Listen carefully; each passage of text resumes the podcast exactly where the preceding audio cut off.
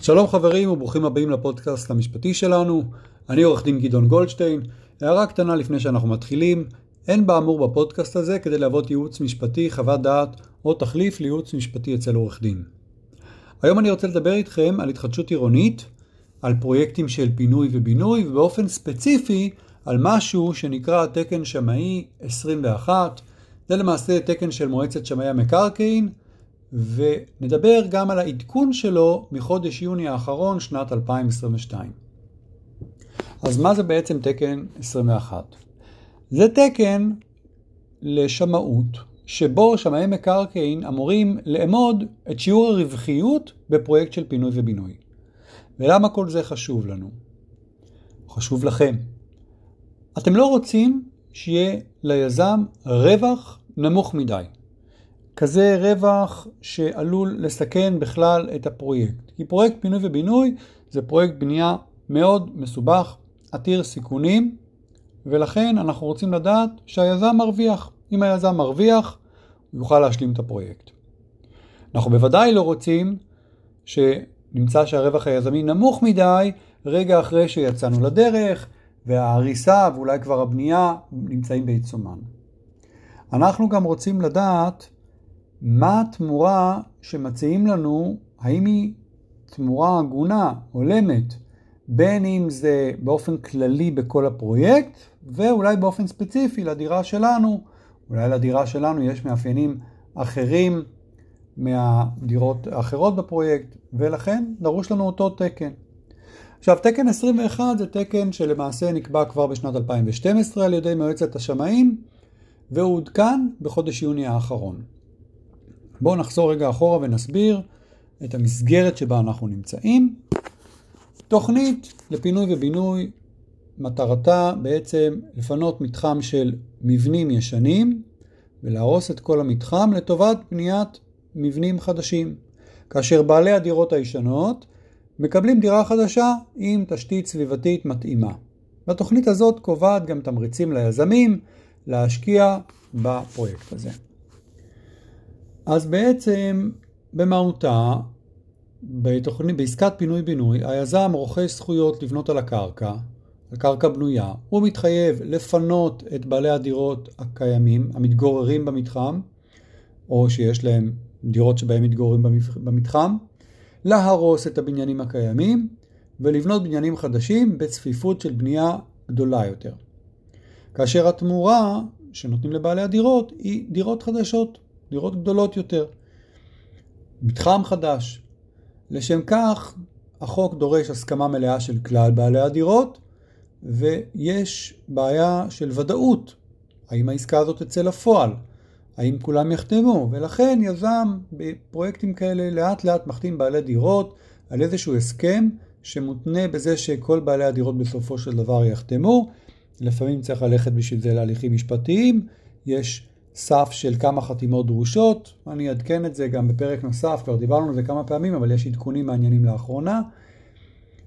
המטרה של תקן 21, כמו שאמרנו, היא לקבוע גם איזושהי רמת פירוט מינימלי והנחיות מקצועיות באותן שומות מקרקעין שמבוצעות לצורך בדיקת, שם, בדיקת הכדאיות הכלכלית לתוכנית הפינוי ובינוי. והתקן הזה, תקן 21, מחלק את השומה לשלושה חלקים. חלק ראשון מתייחס לשלב של גיבוש פרוגרמה תכנונית למתחם, כאשר מסקנת השומה צריכה להיות בעצם סך ושיעור הרווח היזמי החזוי ליזם, ובחינת הסבירות שלו. אמרנו, אנחנו רוצים שהיזם ירוויח. כמה? תכף נראה. החלק השני מתייחס לבחינת כדאיות התמורה שיקבלו כלל דיירי המתחם ובדיקה אל מול סך הרווח החזוי ליזם. אנחנו רוצים איזושהי הלימה. לא רוצים שהיזם ירוויח הרבה וכל הפרויקט הזה, הדיירים הוותיקים ירוויחו מעט, וגם לא רוצים שהדיירים הוותיקים ירוויחו יותר מדי והיזם ירוויח מעט מדי. צריך, צריך להיות איזשהו בלנס הגיוני כלכלי.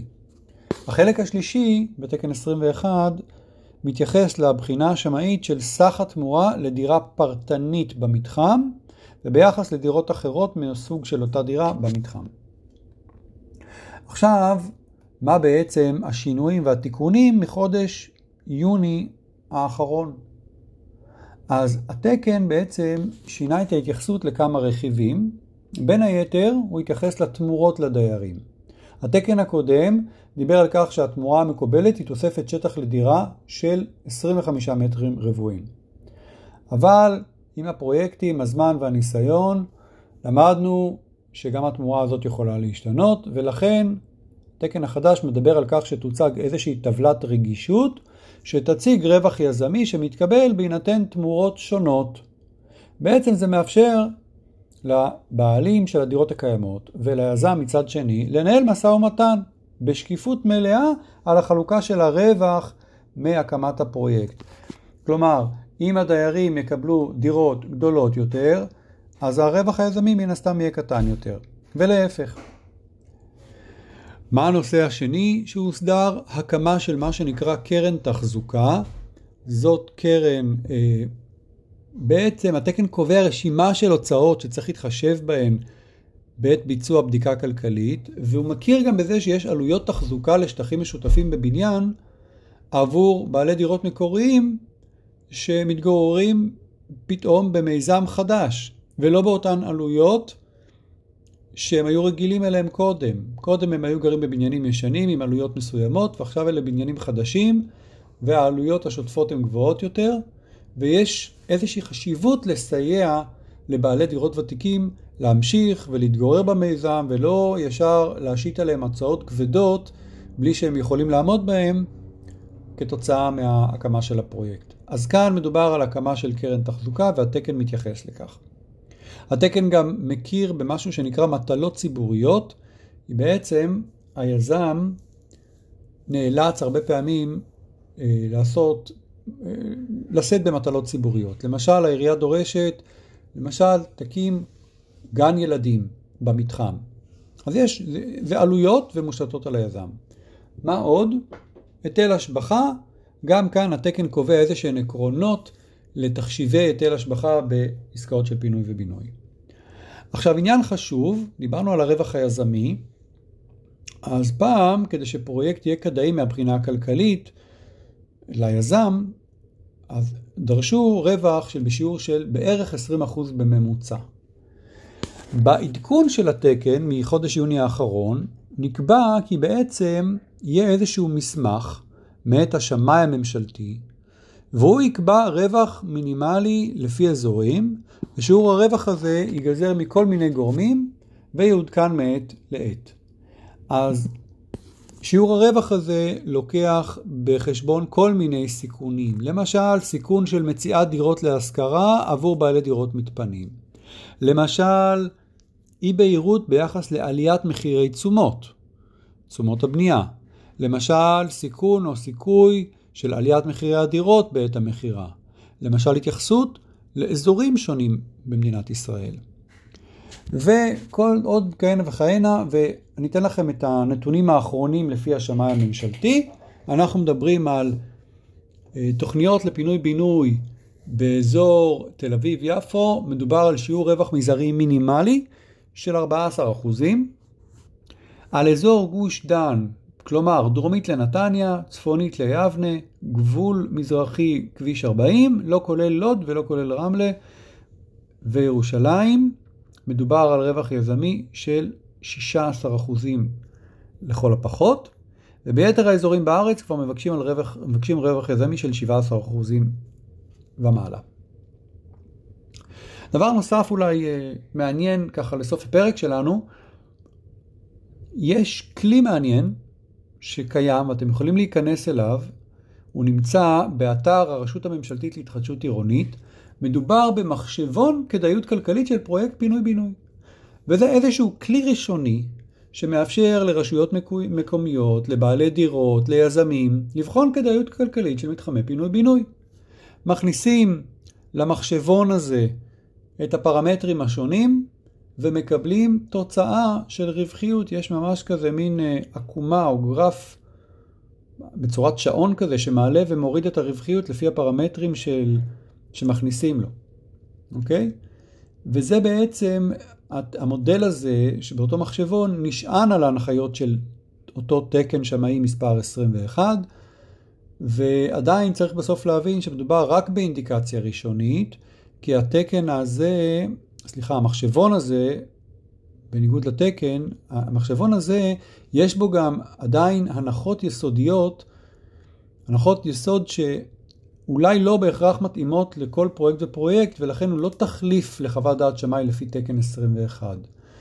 כן, למשל, התקן הזה מדבר על כמה הנחות יסוד, כמו שטח מגרש ממוצע לצורך תחשיבים של 90 מטר רבוע ליחידת קרקעת אה, דיור קיימת, או ממ"ד בשטח של 12 מטר לכל יחידת דיור, אה, זמן פינוי ממוצע של 36 חודשים ממועד מסירת הדירה ליזם ועד שאתה מקבל דירה חדשה, ועוד כל מיני נתונים.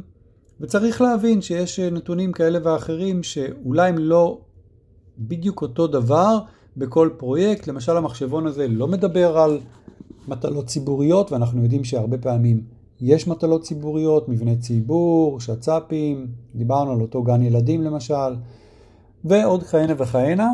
אבל זה עדיין כלי ראשוני ומאוד מעניין, אפשר לשחק איתו באתר הרשות הממשלתית להתחדשות עירונית, ואני חושב שזה משהו ששווה להיכנס אליו. ממש עשו אותו בצורה מונגשת, יפה, אתה מכניס ערכים ואתה מקבל תוצאות, והמחשבון זז, נותן לך איזשהו בסיס למשא ומתן ראשוני. עד כאן להפעם, אני עורך דין גדעון גולדשטיין, מקווה שנהניתם, להתראות.